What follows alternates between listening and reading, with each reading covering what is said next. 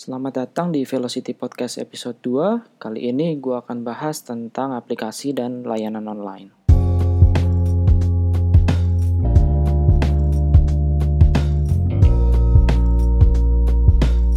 Oke, sebelum kita masuk ke dalam topik podcast, pertama-tama gue ingin ucapkan selamat tahun baru, tahun 2019. Semoga di tahun ini kita semua diselimpahkan berkat, kesehatan, serta semangat baru untuk jalanin hari-hari berikutnya. Kita bahas uh, topik podcast kali ini adalah tentang membayar aplikasi atau langganan layanan online.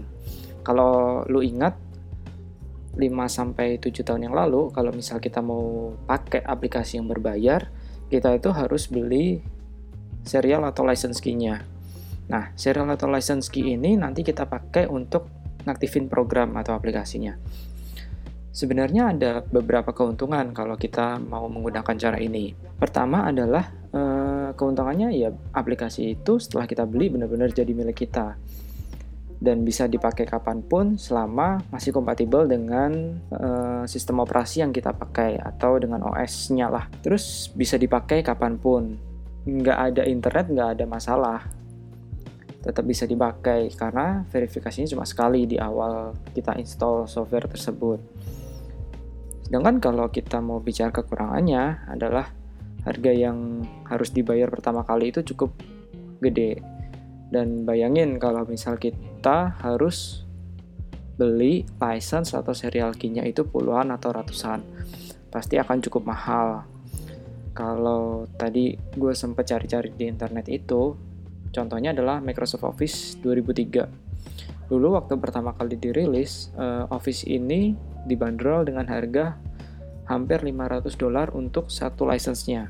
Kalau dihitung dengan kurs 10.000 aja, harganya 5 jutaan itu untuk satu license, satu komputer. Bayangkan kalau sebuah perusahaan dia butuh sekitar 400 license, berapa tuh? Dia harus invest untuk install Office aja. Itu baru satu satu aplikasi ya, satu belum lagi kalau butuh aplikasi-aplikasi pendukung yang lain. Atau contoh lah Adobe software untuk edit foto, edit video ada Photoshop, Lightroom, Premiere dan sebagainya. Dulu itu satuannya itu bisa sampai 700 dolar untuk license-nya.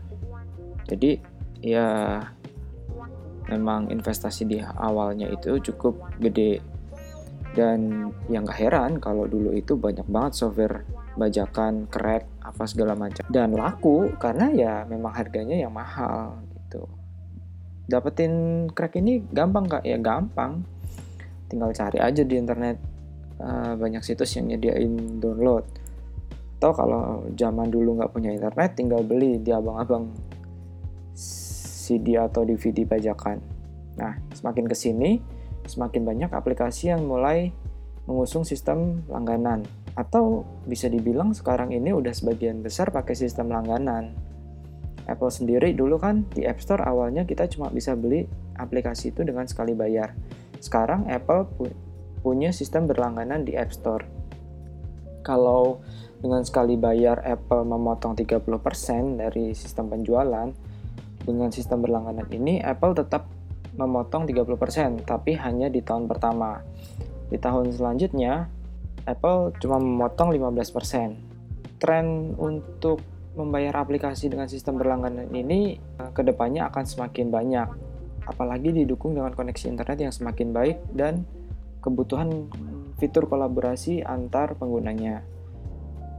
Microsoft kini juga memperlakukan sistem berlangganan untuk aplikasinya. Office kini bisa kamu bayar dengan harga 7 dolar atau kalau pakai kurs 15 ribu harganya cukup 100 ribuan selama sebulan.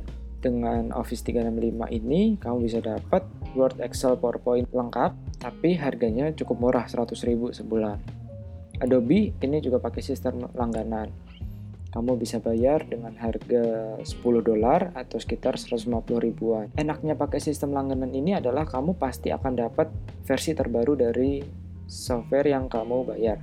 Jadi eh, nggak perlu bayar-bayar lagi kalau misal ada upgrade versi aplikasi. Beda dengan kalau beli serial atau license Kalau beli serial atau license, biasanya ketika ada upgrade besar nih dari versi, misal dari versi 6 ke versi 7, kamu harus bayar walaupun memang nggak nggak penuh. Jadi kalau misal harga aplikasinya 49, kamu cukup bayar sekitar 20 atau 25 dolar untuk dapatkan versi terbarunya.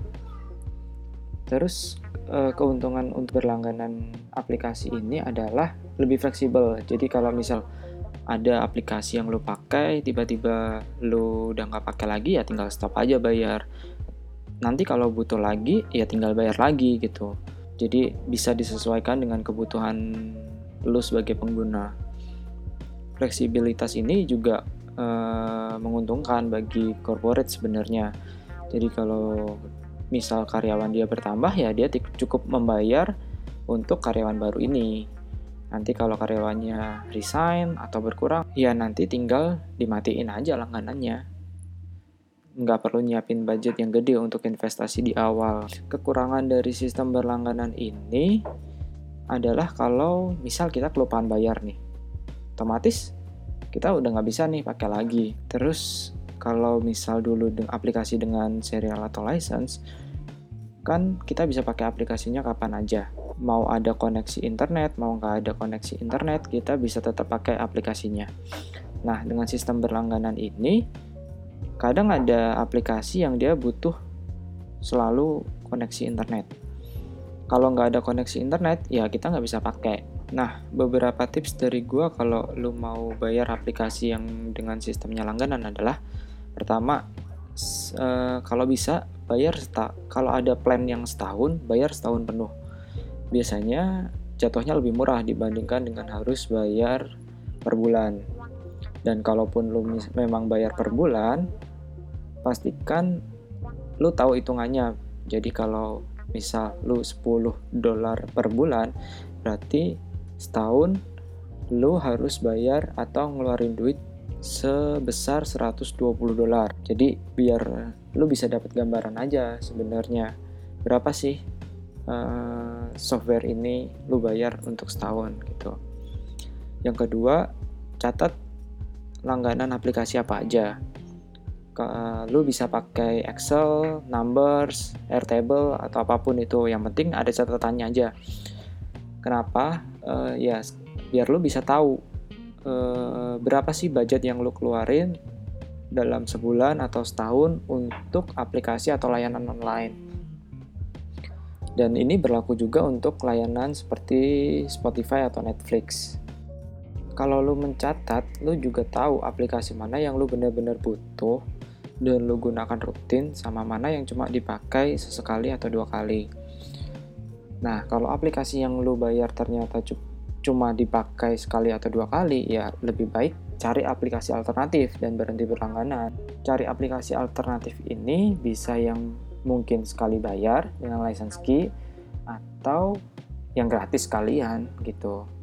Yang penting fungsinya sama, fiturnya sama kan. Ya nggak bisa dipungkiri dengan ke depannya aplikasi dengan sistem berlangganan akan semakin banyak.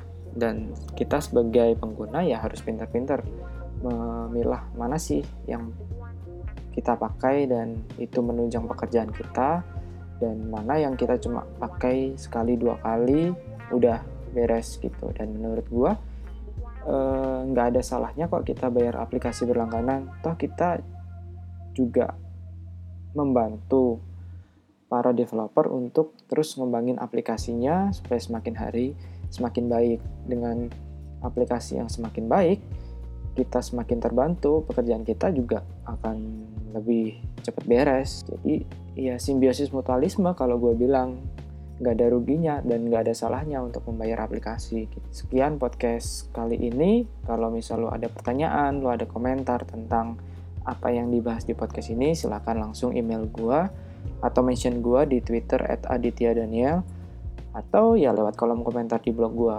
See you on the next episode.